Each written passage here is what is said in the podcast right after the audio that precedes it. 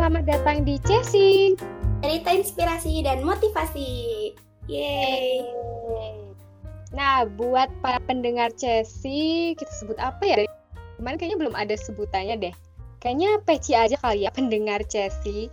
Nah, jadi buat peci-peci yang setia ngikutin Cesi dari awal, pasti udah tahu nih episode pertama tuh ngobrolin tentang no males-males di saat pandemi. Jadi kayak nggak ada males-malesan buat eh nggak ada alasan buat males-malesan di pandemi gitu. Terus yang kedua kemarin tentang bir, berbisnis saat pandemi. Iya pokoknya intinya tuh tetap produktif selama pandemi gitu ya Sal. Iya Tan bener banget. Nah kalau sekarang kita mau ngobrolinnya tentang apa nih Nah, sekarang tuh kita bakal ngobrol sama bintang tamu yang gak kalah keren dan kayaknya obrolan kali ini tuh menarik banget. Iya pokoknya nggak sabar banget deh. Tapi sebelumnya kita tuh belum kenalan Sal. Harusnya tuh kita jangan terlalu excited gitu loh. Kita tuh harus kenalan dulu. Halo semua, di sini ada Tania. And ada Salsa di sini. Nah, hari ini tuh kita akan ngobrol sesuatu yang udah hits banget nih. Apalagi sejak pandemi kayaknya makin hits deh. Ada yang bisa nebak gak nih? Apa tuh? Hmm, kayaknya kasihin aja kali ya. Nah, hintnya itu kalau kalian nonton YouTube sering ada iklan bilang, "Yuk main binomo dulu." Ayo apa apa. Oh, berarti tentang trading-trading gitu ya, iya kan? Uh, 100 banget buat lutan. Nah, jadi ya bener banget kita kali ini tuh akan ngobrolin tentang trading dengan salah satu masternya bisa disebut master aja kali ya. Mungkin langsung aja kita undang kali ya. Selamat datang buat Leo. Halo Leo. Jadi kan kalau di Tera tuh yang namanya Leo ada dua kan, ada Leo 18 sama ada Leo 19. Nah, kalau yang ini tuh Leo yang dari Magnatis alias Leo dari Tera 19. Oh iya benar-benar yang Leo kali ini tuh yang junior ya, sesuai namanya Leonardo Junior. Yap, betul. Nah, jadi dari Leo udah aman. Sekarang gimana nih, Le? Dunia trading aman gak nih? Kayak lagi dapat untung atau lagi merugi nih, Le? Kalau dari awal ya gue mau nanggepin, kalau dibilang master sih kayak kurang tepat. Soalnya gue belum jago lah. Soalnya masih banyak juga yang lebih jago dari gue gitu kan soal trading. Terus kalau misalnya dibilang lagi untung atau rugi, gue masih lagi lagi masih boncos gitu kayak masih belum balik modal lagi gitu dari awal hmm. tapi kan ngomong-ngomong tentang trading nih ya trading itu sebenarnya kan udah hits banget nih di kalangan sekarang tapi pasti banyak juga nggak sih yang masih belum tahu sebenarnya tuh trading itu apa sih gitu trading itu gimana ya gue jelasin ya trading itu kayak kita memainkan beberapa ya semacam perjualan lah kayak jual beli gitu cuman perbedaannya kita lebih ke digital gitu sekarang. Hmm. wah menarik. Btw lo tau nggak le? Orang pertama kali yang memperkenalkan trading nih siapa tahu sebelum gabung kan kayak cari dulu history historinya asal mula trading gitu. Serius jujur nih kalau dibilang itu gue nggak tahu dari story trading gimana.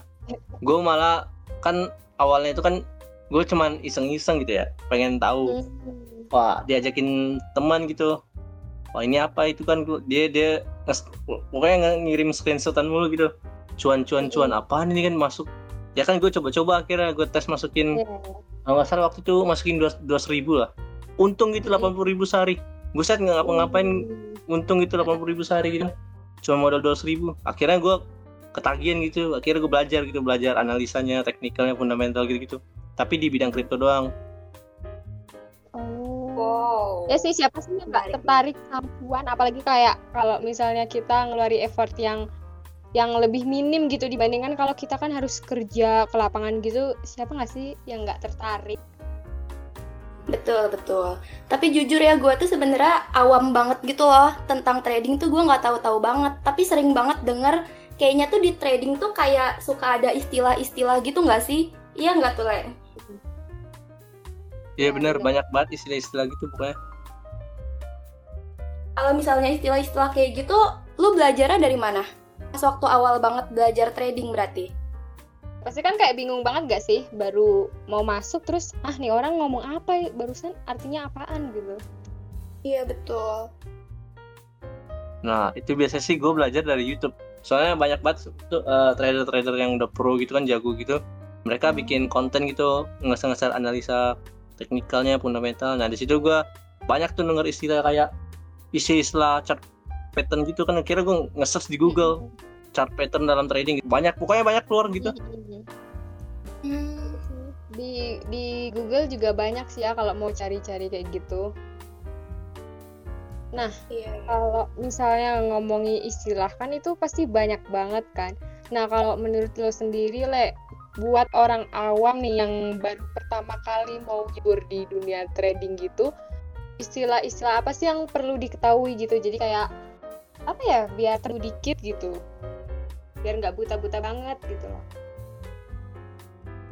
Kalau gue pribadi sebenarnya sebelum kalau belajar dari kesalahan gue ya uh, sebelum kita masuk ke trading tuh mending kita pahamin dulu apa yang mau kita tradingin gitu. Terus yang kalau menurut istilah-istilah itu kayak banyak juga yang harus dipelajari itu uh, istilah-istilah yang terkait sama khususnya terkait sama teknikal gitu. Kalau misalnya kita mau future trading gitu kayak main pakai leverage gitu itu sih paling kalau saran gue jadi pahamin dulu gitu technical gitu cara menganalisa gitu terus apa istilah-istilah kayak margin, spread, leverage, sideway itu kayak harus pahamin dulu gitu baru kita berani gitu.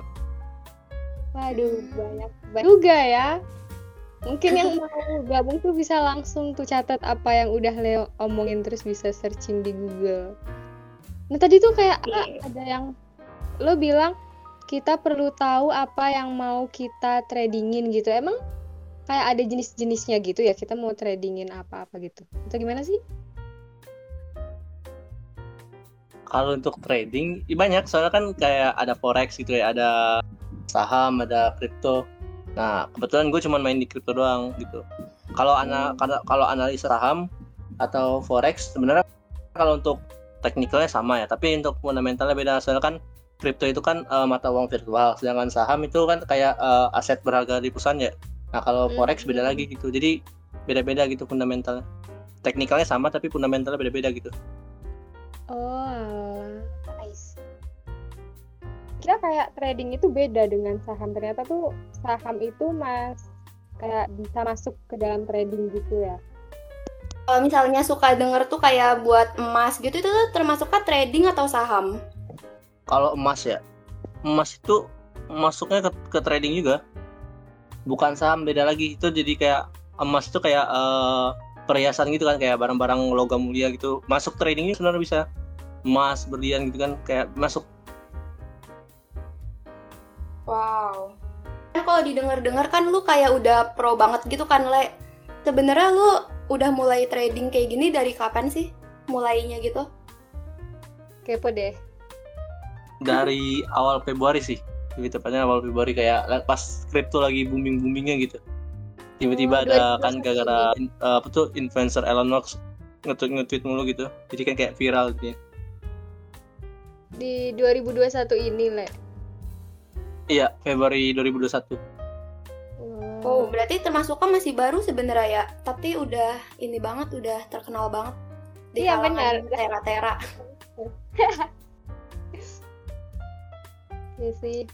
Terus jadi kepo juga deh kayak uh, kan ini masih terhitung baru gitu ya Februari kemarin. Nah, itu apa sih yang buat lu tertarik buat coba trading pada awalnya selain gara-gara temen lu tuh ngirim-ngirimin screenshotan tadi ya?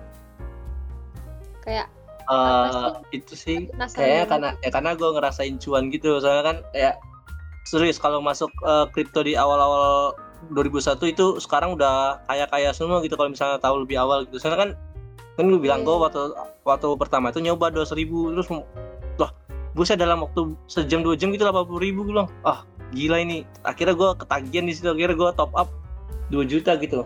Ngikut teman gue juga gitu kan. Oh. pokoknya dalam waktu berapa gitu. Pernah bahkan dalam lagi meledak gitu ya ada satu kripto jenis jenis kripto BNB itu meledak gitu. Jadi gue masukin 2 juta langsung ke 4 juta gitu kalau dalam waktu berapa kalau seminggu. Gue gue gitu kan gue wah gila kayak gue nggak kerja apa-apa dapat duit 2 juta gitu loh. Untung 100% gitu dalam waktu nggak nyampe seminggu malah itu. Emang itu benar-benar cuma kayak didiemin doang gitu terus nanti uangnya ngalir gitu? Iya soalnya kan uh, trading itu kan kalau di kripto itu kan kayak jual beli berdasarkan harga gitu. Kalau harganya naik berarti, berarti kan gue untung gitu. Kalau harganya turun berarti kan gue rugi gitu. Itu kalau di spot market ya. Kalau misalnya di future trading beda lagi gitu. Oh. Tapi kan dari tadi ngomonginnya tuh kayak trading tuh enak banget gitu kan le? Kayak pokoknya membawa keuntungan banget lah buat lo nah tapi selama lo ngikutin trading ini ada kendala tersendiri gitu nggak sih kalau gue pribadi sih banyak kalau kendalanya. Soalnya kan trading itu sendiri luas gitu. Dan yang gue bilang tadi uh, waktu Februari 2001 itu kripto itu lagi lagi booming boomingnya gitu. Jadi harga itu naik terus. Gua, jadi lu masuk apa aja itu bisa cuan gitu. Di hold aja dijamin nah sampai di akhir uh, April 2021 di situ tuh market langsung didam habis-habisan gitu, jatuh sampai Juni itu dari April sampai Juni turun 60% gitu dari harga tertingginya gitu. Nah di situ tuh banyak yang rugi. Gue juga termasuk rugi. Waktu itu gue udah main kan uh, modal dari 4 juta jadi 8 juta gitu. Turun jadi 6 juta gara-gara gue waktu itu masuk terus uh, gue lagi mudik tuh lagi liburan pulang kampung nggak ada sinyal gitu gitu buka waduh hilang 2 juta dalam sehari gitu kan tapi untungnya gue bisa recover gitu oh nggak ada sinyal tuh bisa jadi ini juga turun gitu. Iya soalnya kan misalnya kalau lu lagi masuk nih lagi masuk di hmm. satu market uang lu lu masukin situ. Terus tiba-tiba dia kan uh, kita harus mantau ya. Nah ini gua nggak ada sinyal gitu jadi nggak nggak mantau sama sekali. Tahu-tahu turun aja. Nggak sempat oh. cut loss gitu istilahnya. Oh tapi tadi berarti cut... harus tiap saat ngelihat handphone gitu nggak sih Iya, iya. harus dekat sama internet ya. Oh, ribet oh, jadi juga ya. Sebelum itu bisa turun tuh aslinya kayak misalnya sebelum detik-detik turun terus tuh lo ngamatin itu lo bisa berbuat sesuatu gitu berarti. Iya maksudnya iya cut loss itu. Jadi istilah cut loss itu kayak kita masuk membeli suatu koin nanti kalau misalnya tiba-tiba harganya mau turun tuh langsung kita jual gitu. Oh Oke deh. Terus lu kayak pernah kepikiran gitu gak sih, Le? Kayak, oh udah deh, kayaknya gue stop aja deh dari trading gitu. Mungkin gara-gara saking downnya atau pasarnya turun terus gitu. Pernah kepikiran gak selama keberjalanan ini? Gue sebenarnya uh, untuk trading gue lagi berhenti udah bulan gitu semenjak uh, market down gitu dan beberapa temen gue juga banyak akhirnya berhenti gitu karena market lagi down dan sekarang ya itu bulan lalu ya. Dan uh, baru-baru minggu-minggu ini market itu lagi mau uptrend lagi mau naik lagi gitu. Tapi gue belum masuk lagi so soalnya belum ada duit lagi gitu.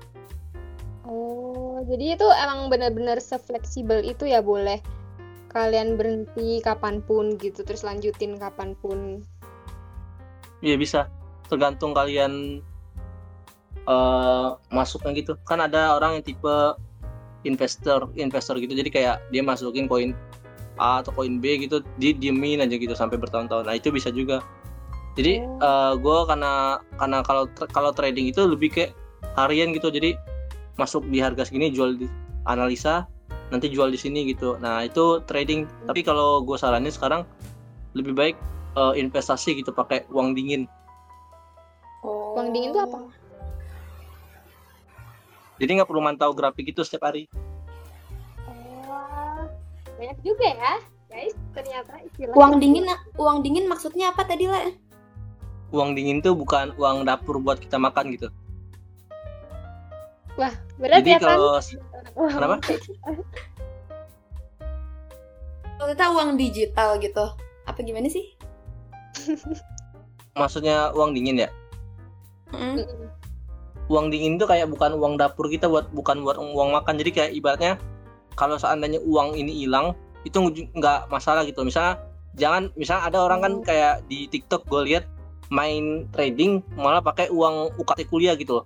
Terus dia loss uangnya hilang dia nggak bayar uang kuliah. Itu maksudnya uang panas kalau uang dingin tuh misal gue punya 2 juta terus uang 2 juta gue hilang itu nggak jadi masalah. Maksudnya emang lagi nggak gue pakai gitu. Oh jadi emang kayak uang tabungan aja gitu ya iya deposit gitu ya berarti eh beda ya nah terus le tadi kan di awal Salsa sempat kayak ngomongin tentang bino binomo apa bimono sih binomo ya Iya binomo. Ngomongin binomo gitu. Itu tuh salah satu platform buat trading gitu ya? Iya. Kalau misalnya lu sendiri pakai platformnya apa tuh? Terus ada platform apa aja sih gitu buat trading tuh? Kalau buat trading itu platformnya banyak, pokoknya macam-macam. Ada misalnya kalau buat saham itu ada iPod, terus ada kalau dari kripto itu ada banyak, ada yang gue pakai misalnya Binance atau ada kalau yang dari Indonesia gitu ada yang platform dari Indonesia buat trading kripto rekeningku terus ada toko kripto gitu gitulah terus uh, setiap platform itu beda-beda loh maksudnya uh, fitur-fiturnya ada yang platform yang nyediain fitur copy trading jadi kita nggak perlu trading kita ngikutin tradingnya orang gitu Hmm, kalau lu sendiri kenapa milih yang platform lu itu yang kripto apa tadi itu? Ya, oh yang kalau platform gue sih Binance. Uh, kalau gue milih itu soalnya Binance itu udah jadi platform nomor satu gitu dari dalam exchange crypto nomor satu di dunia gitu. Oh. Itu berarti kan ada banyak platform gitu, berarti ada yang enak, ada yang nggak enaknya gitu kan? Nah itu biasanya kalau yeah. enak gak enaknya itu dilihat dari apanya sih, Le? Kalau gue en enak atau enggaknya itu satu uh, kapasitas servernya. Kadang ada gitu aplikasi harga lagi naik gitu ya dia malah down gitu jadi nggak bisa jual jadi baru bisa jual lagi pas harga udah turun telat jadi itu ada tuh platform itu. rekeningku itu itu uh, platform pertama yang gue pakai gitu. Itu yang dari Indonesia. Hmm.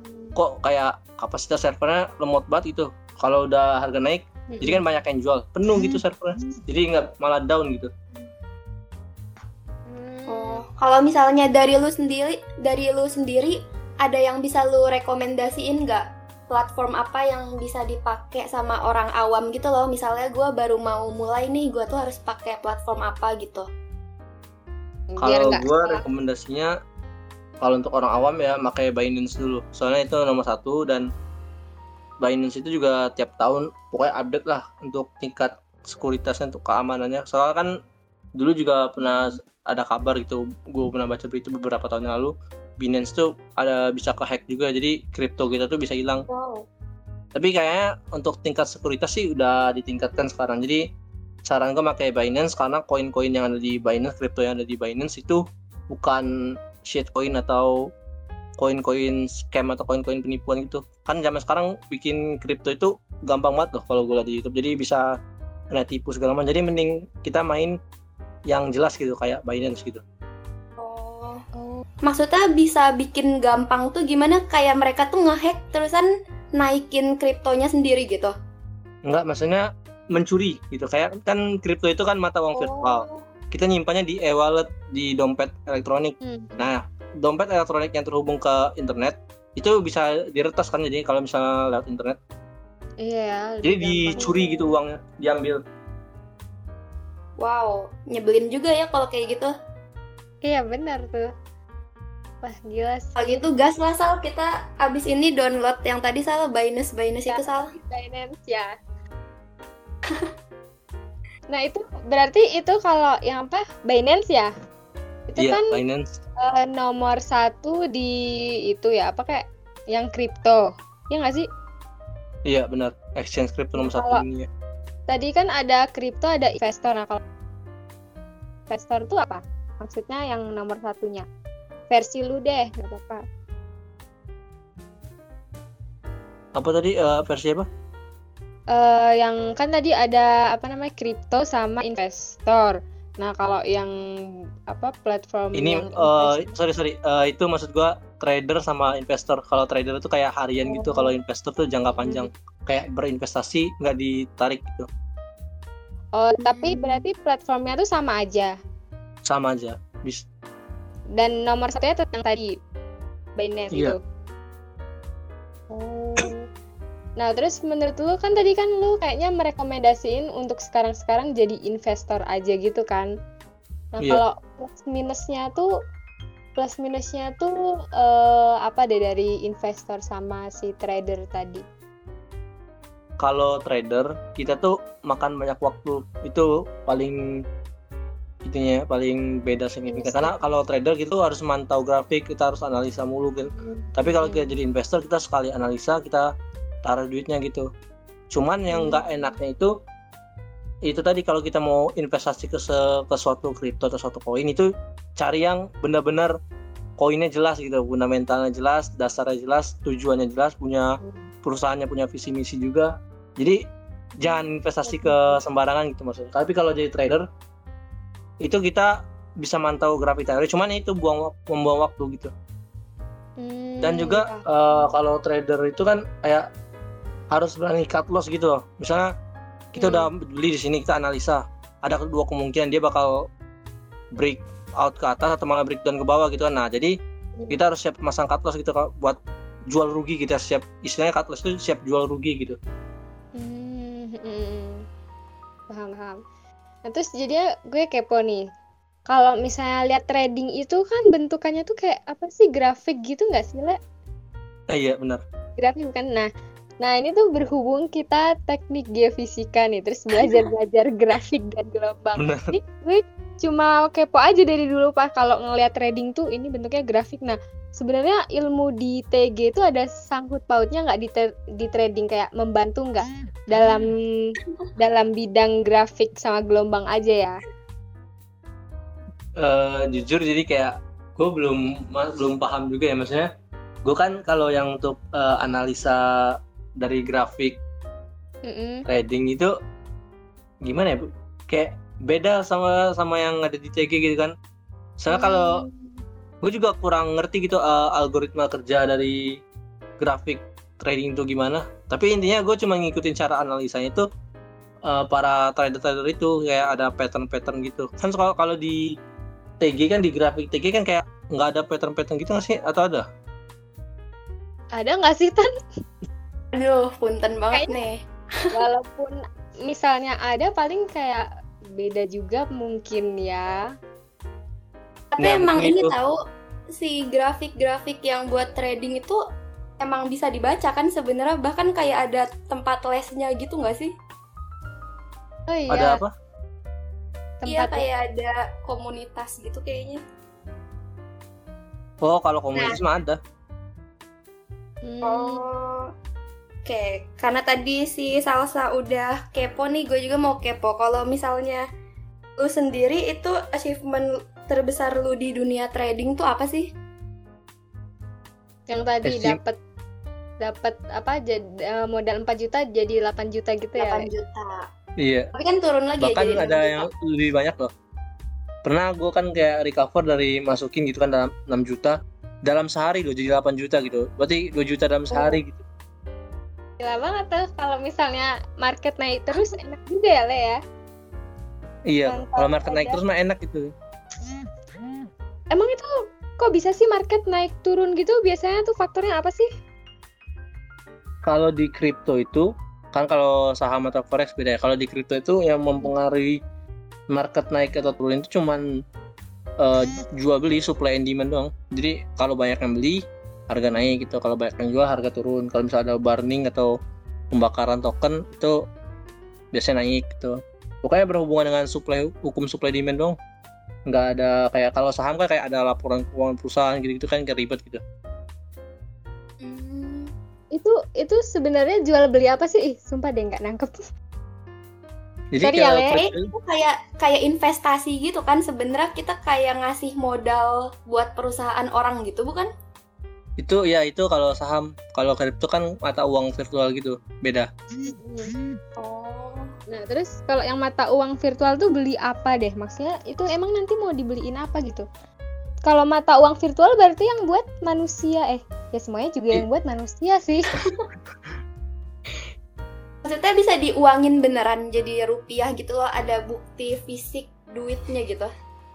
Bisa diuangkan jadi rupiah gitu. So, sebenarnya eh, kripto ini sendiri tuh kayak banyak apa ya banyak positif negatifnya gitu. Banyak yang pro kontranya juga gitu. Karena karena kan ini kan mata uang virtual ya. Nggak ada bukti fisiknya gitu.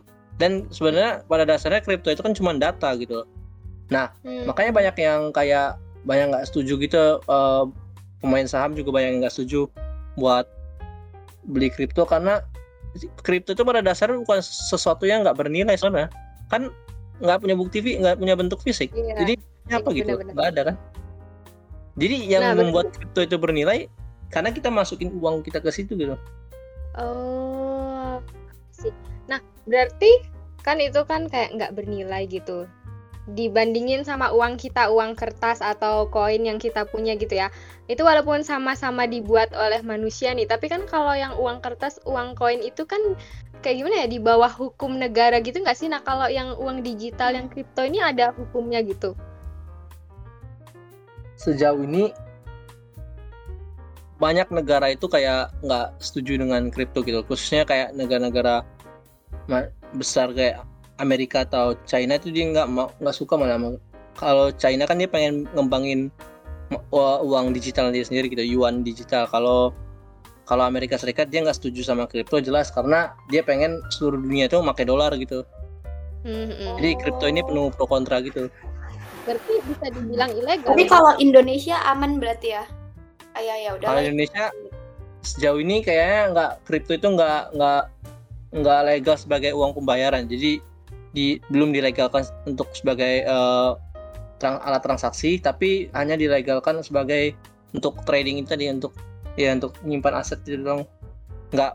Kalau saya kan uh, kalau negara di dunia ini juga ada baru beberapa negara kan gitu yang meresmikan kripto itu sebagai mata uang atau alat transaksi pembayaran. Itu tadi uh, contohnya El Salvador gitu meresmikan Bitcoin sebagai transaksi pembayaran gitu. Hmm. Oh. Jadi Tapi si kripto yang lu punya itu udah pernah lu coba jadiin rupiah berarti, Le? Beneran ada gitu duitnya? Iya. Oh. Itu berarti aman lah ya. Ya, berarti aman, bisa aman. dibilang semi semi legal, semi ilegal ya. Pokoknya tengah-tengah gitu nggak sih berarti? Iya. Nah, itu nih karena penuh pro kontra tadi. Ada yang dukung, ada yang nggak dukung gitu. Terus kan tadi tuh kayak eh, apa trading kan ada naik turun gitu. Terus ada tadi lo sempet sebut apa cash flow eh apa sih? Ya ampun. Nyebutnya apa sih? Nggak, tadi le. Yang mana? Cash. Apa sih? Ya udah pokoknya itu deh guys. Lupa. Nah kan itu trading kan kayak naik turun gitu. Nah terus apa namanya bisa nggak sih misalnya nih lu punya 10 juta udah dapet tuh 10 juta gitu. Terus lo langsung tarik uangnya 9 juta biar aman terus satu jutanya disisain buat modal. Kalau tadi kan lo bilangnya uh, yang uh, kalau mendekati pasar turun itu antisipasinya lo langsung apa tadi? Yang ngejual gitu kan Atas. ngejual. Nah itu. Rugi. nah kalau misalnya diambil gitu bisa nggak sih? Kayak ya udah ditarik aja gitu biar lebih aman. Daripada kalau 10 juta masih stay kan nanti kalau marketnya turun jadi minus gitu kan. Malah lebih rugi. Bisa bisa. Jadi kayak misalnya gue masuk 10 juta nih di harga seribu rupiah misalkan terus dia naik jadi uh, harga 2000 berarti kan naik 100% duit gue jadi 20 juta. Nah misalnya dia tiba-tiba dari 2000 itu malah turun gitu jadi uh, ke 1000 lagi bahkan bawah 1000 berarti kan gue harus siap-siap jual gitu. Misalnya gue jual yang kayak 900 berarti kan itu turun uh, 100 rupiah dari 1000 berarti kan turun 10% berarti kan sisa 9 juta lagi bisa langsung. Jadi sebelum turun tuh bisa dipasang stop loss gitu. Misalnya harganya turun ke 1000 oh. gue jual 90% berarti kan yang tersisa uang yang tersisa di market itu cuma satu juta tapi 9 jutanya udah gue tarik gitu bisa. Jadi aman gitu ya. Berarti orang-orang yang kayak apa namanya rugi yang minus gitu antara mereka itu salah taktik terus antara kayak berani banget gitu ya ya udahlah tetap stay aja gitu. Kayak ya kurang strategi gitu ya berarti Kayaknya yeah. kalau gue sih kalau udah dapat lima ratus ribu aja udah gue tarik lagi dah. Iya. Iya deh bener deh. Biar aman gitu loh. Kayaknya kita yang penakut deh kan kalau kayak gitu. Cupu gitu nah, kayak ada daripada gue rugi. Eh. Kalau narik kan ketika habis lima ribu, kadang-kadang kita itu nafsu gitu. Misalnya kita eh, misalnya gue juga sering gitu kayak gue masuk gitu udah cuan gitu kan udah gue tarik Hmm. cuan pas gue tarik cuan itu dia malah ma- harganya malah naik naik naik lagi kayak kayak kesel aja lah ngapa gue jual ya harusnya gue tahan aja lagi Eh, soalnya naik naik naik terus naik terus gitu Oh. kadang-kadang kita nafsu di situ Jadi udah terlanjur ditarik, eh ternyata naik lagi ya. Harusnya tadi udah dapet sekian, tapi gua malah narik kayak gitu ya. iya tapi kayak Tadi gitu kalau disimpulin, eh apa tuh? tapi kalau kayak gitu malah buat eh pingin kan pingin coba terus gitu nggak sih makanya kayak dipermainkan gitu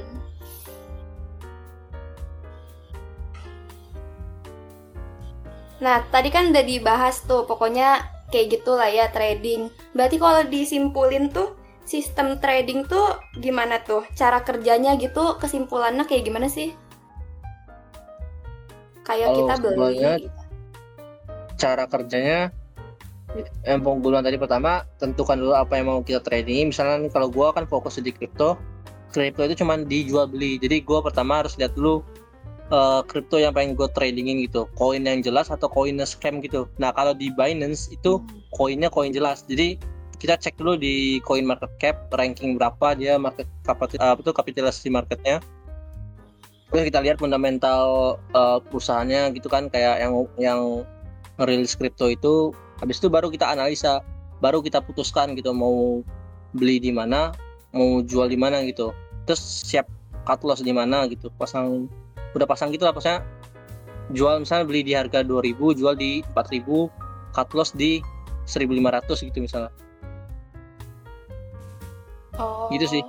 jadi kayak memainkan strategi dan psikologi kita gitu kadang ada kan ada orang stres gara-gara kripto karena itu tadi memang kita butuh manajemen yang baik banget loh, manajemen keuangan. Misalnya sebelum turun jadi 1500 misalnya dijual dulu sebagian di harga 1500 baru nanti jual rugi di sini. Jadi kan nggak nggak ada yang rugi gitu.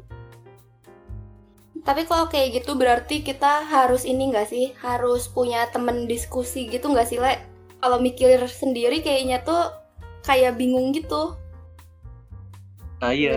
Kalau bagi gue juga sama. Kayak kalau trading ini kayak enaknya kita diskusi rame-rame gitu jadi jadi kita mau ngebuat analisa yang banyak kita cocokin satu-satu gitu Nah, ngomong-ngomong tentang diskusi nih, gue tuh dapet informasi dari salah satu informan. Katanya lo tuh suka ngajakin Zoom orang luar negeri gitu nggak sih? Buat meeting, itu tuh ngapain tuh? Kalian kayak sharing tentang tips and trick trading gitu atau kayak gimana? Itu beda-beda orang sorry itu dari dari mana infonya ya kalau gue sering ngajakin zoom meeting orang luar negeri Wah, ada dong, Len. Katanya Ada juga dong. cari kenalan orang Rusia nih, Le, katanya. ah itu beda- beda-beda tergantung maksudnya gue kadang ikut zoom meet sama orang luar tuh misalnya kalau sama- orang Rusia itu cuma buat konten ya cuma buat senang-senang gitu Hmm. istilahnya kan Mm-mm. ada juga beberapa zoom meet yang kayak uh, ada forum-forum keagamaan gitulah pokoknya di Hmm. internasional jadi kayak gue di di invite gitu jadi kan gue join terus kayak Hmm. ya udah ya udah pokoknya diajak sering diajak ikut meet ya udah gue join join aja gitu ada juga zoom zoom lain kalau yang buat misal kayak uh, sekedar nyari teman atau kenalan doang kita ada juga gitu tempat kayak forum diskusi buat cari teman atau kenalan orang luar Oh, berarti nggak Itu- spesifik buat trading gitu ya lo? enggak Oh, So- itu ma- pertamanya bisa malah teman-teman gue juga banyak yang nggak tahu trading di luar negeri gitu soalnya nggak terlalu suka gitu Oh, berarti Indonesia Indonesia peminat tradingnya lumayan banyak ya. nah iya Kotak mungkin bisnis gitu loh. Dan dan ini antara bisnis dan kayak tergiur gitu nggak sih Tan? Ih, enak banget ya bisa man, apa cuma mantau laptop gitu, dapat cuan padahal Iya, mikir. Ya nggak sih? iya sih. Daripada ngekonten gitu ya, Sal. Aduh, kayaknya lebih cepet trading nih dapet duitnya. Iya, benar-benar. Nah, tadi kan kalau gitu lu berarti meet sama orang luar tuh buat eh bukan buat ini ya ngomongin trading doang.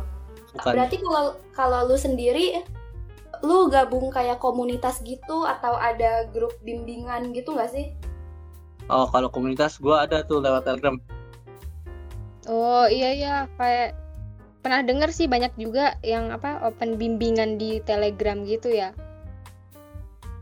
Itu kayak gitu bayar gitu lah berarti. Kenapa kenapa? Kalau kayak gitu bayar. Bater gimana? Sorry, gimana? Kalau apa namanya kayak punya pembimbing gitu itu berarti bayar ke pembimbingnya itu. Oh. Kalau pembimbing itu bayar ada ada, ada emang kursus trading gitu. Bayar itu. Itu contohnya teman gue yang di Malatis juga si Diki pernah ikut uh, kursus gitu bayar 2 juta atau berapa gitu lupa gue. Wah, ya semuanya bisa dijadiin cuan ya. Iya. Keren. Di Tera juga ada nggak sih ininya? Apa namanya? Apa salah namanya Kayak di Tera gitu tuh? ya. Grupnya gitu. Oh, Iya. Tera Cuanki itu ya. Kayaknya ya ada yang minat bakat itu kalau nggak salah. Iya, yang dari minat bakat. Lu gabung gak, Le? Gabung-gabung. Hmm. Bisa lah ya Bagus kan itu? diskusi-diskusi di situ. Iya, diskusi situ aja sih sebenarnya. Hmm, Nah, lo itu apa? Punya grup bimbingan tapi lo nya yang jadi pembimbing gitu, Le. Ah, Udah punya gue belum? belum gue belum siap itu soalnya serius sumpah Eh, trading itu kayak gue bilang tadi bener-bener pertama manajemen sama psikologi gue bener dimainin gitu kayak kudu Mm-mm. wajib lah bisa itu manajemen sama psikologi kalau nggak tuh boncos mulu terus juga eh, harus paham analisa segala macam nah harus ngerti indikator ini segala macam nah gue tuh belum sampai situ ilmunya jadi kayak gue baru belajar Hmm. analisa analisa segala macam gitu Ya, yang profesional banget ya yang bisa ngajarin gitu. Iya. Lo kalau misalnya lulus nih, kalau disuruh milih nih, Le. Lulus dari TG langsung jadi trader profesional atau lu masih menekuni dunia TG? kalau gue pribadi nih uh, gue pengen pokoknya gue pengen sebenarnya cita-cita gue dari dulu tuh serius gue tuh dulu nggak tahu apa-apa soal trading atau investasi atau apa gitu. Gue tuh cuman tertarik dalam dunia sains dan teknologi gue intinya gue pengen kerja di bidang engineering gitu. Nah sampai sekarang pun juga masih tertarik gitu buat kerja di bidang engineering bukan di bidang trading. Tapi sekali lagi gue ngelihat kayak istilahnya dibukain mindset gitu. Kalau kita kerja doang nggak nggak bakal kaya. Mem- memang bener gue bilang ya nggak bakal kaya gue bilang. Soalnya gue ngitung-ngitung gue misalnya pengen punya rumah 10 miliar. Gue Mm-mm. kerja gaji 25 juta sebulan. Belum tentu bisa gitu loh misalnya hitung 25 juta sebulan berarti kalau setahun 25 kali 12 250 tambah eh, sekitar terus 75 juta gitu eh, eh, 300 juta. nah 300 jutaan itu. Itu kan eh, kalau gue kalikan 10 tahun juga baru 3 miliar. Berarti kan rumah 10 miliarnya belum belum kebeli dong. Beli, em, Nah, jadi bener. makanya gue pikir terus tips dan trik orang-orang itu bisa jadi kaya gimana ya mas? Nggak nggak mungkin juga sih gue kerja kayak gaji 25 juta gitu se sebulan baru lulus gitu langsung 25 juta terus kerjanya 10 tahun kayak belum belum kebeli juga gitu.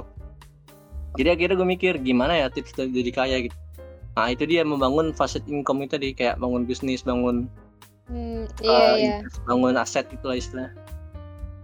Benar-benar belum tentu juga apa umur kita sepanjang itu nggak Nah. sih kalau misalnya cuma bekerja terus emang harus out of apa ya out of the box atau apa gitu harus coba yang lain juga Iya, betul. Nah, kalau harapan lu sendiri ke depannya buat dunia trading gitu apa, Le? Ada gak? Mm, kayak target gitu nggak sih target jadi walaupun walaupun nih lu misalnya masih enjoy di dunia trading tapi kan tetap punya target nih ke depannya biar jelas mau gimana nggak terombang ambing banget gitu nggak sih Iya benar sih. Eh, kalau buat dunia trading, gue udah dapat insight baru lagi kalau gue tuh harus bisa kerja dulu gitu. Kalau kalian pernah nonton TikToknya si siapa tuh Indra Kens ya, itu kan trader influencer banget di Indonesia gitu soal dalam bidang trading gitu. Dia bilang kalian mau kaya dalam kripto bisa, tapi mental harus kuat. Jadi sebelum Hmm. kita mulai trading itu sebenarnya kita tuh harus bisa kerja dulu. Pa- Paling enggak bisa menghasilkan 10 juta pertama, menghasilkan 100 juta pertama dulu, menghasilkan satu Hmm. miliar pertama, baru kita terjun ke dunia investasi gitu. iya harus punya modal juga sih emang Nah iya, Betul. Wih, nggak kerasa nih udah lama banget ya kita ngobrol-ngobrol. Terus emang Iya deh, seru betul. banget obrolannya kali ini. Nah, mungkin sebelum menutup obrolan kali ini, coba dong Le kasih tahu alasan biar orang-orang tuh yang belum ngelirik trading tuh mereka bisa Hmm. kayak mau mulai nyoba deh jadi trader gitu dong. Iya bener. Bisa banget juga kasih tips and trick nih Le. Jadi sama pesan-pesan deh biar mereka tuh yang semua yang semulanya takut atau ragu tuh jadi jadi langsung gas ngeng gitu.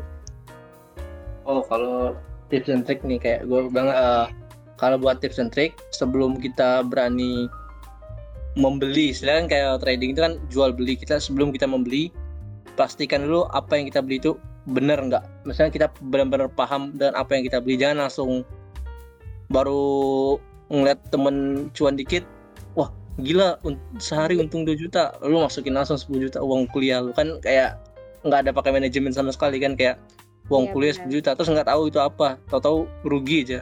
Nggak kuliah besok kan kayak kasus-kasus yang sering gue dengar gitu. Jadi pastikan dulu kita paham apa yang kita beli terus pelajarin lagi gitu ilmu manajemen sama psikologinya eh, analisa-analisa gitu indikator. Terus jangan jangan mudah jangan eh, istilah jangan terlalu nafsu lah kalau misalnya kita dapat misalnya bulan ini cuma cuan 2 juta ya ya biarin. Misalnya ki- kita 2 juta juga gitu. itu kan kita nggak kerja gitu. Misalnya syukurin aja seberapa pun yang kita dapat.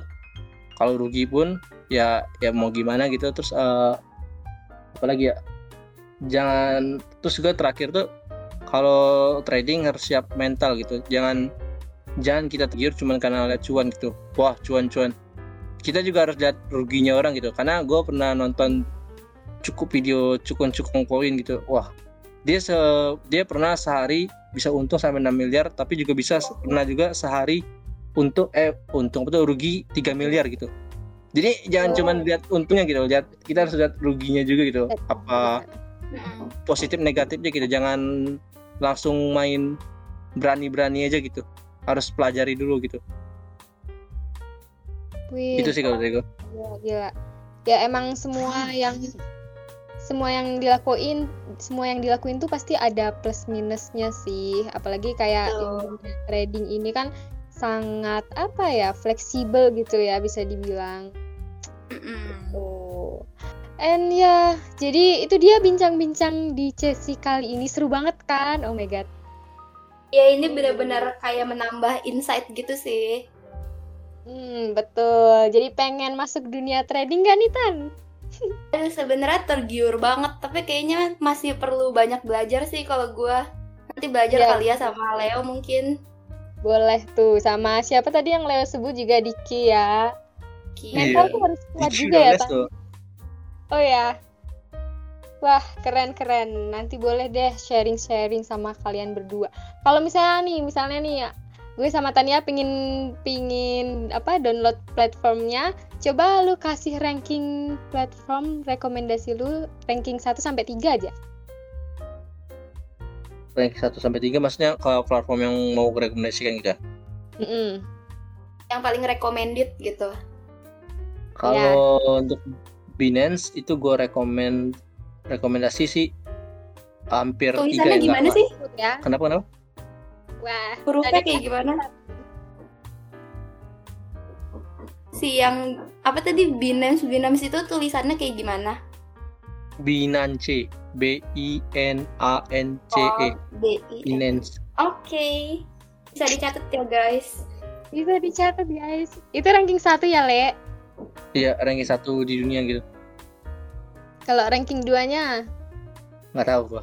Gua cuma taunya yang Oh, kan- lu- yang paling banyak usernya gitu.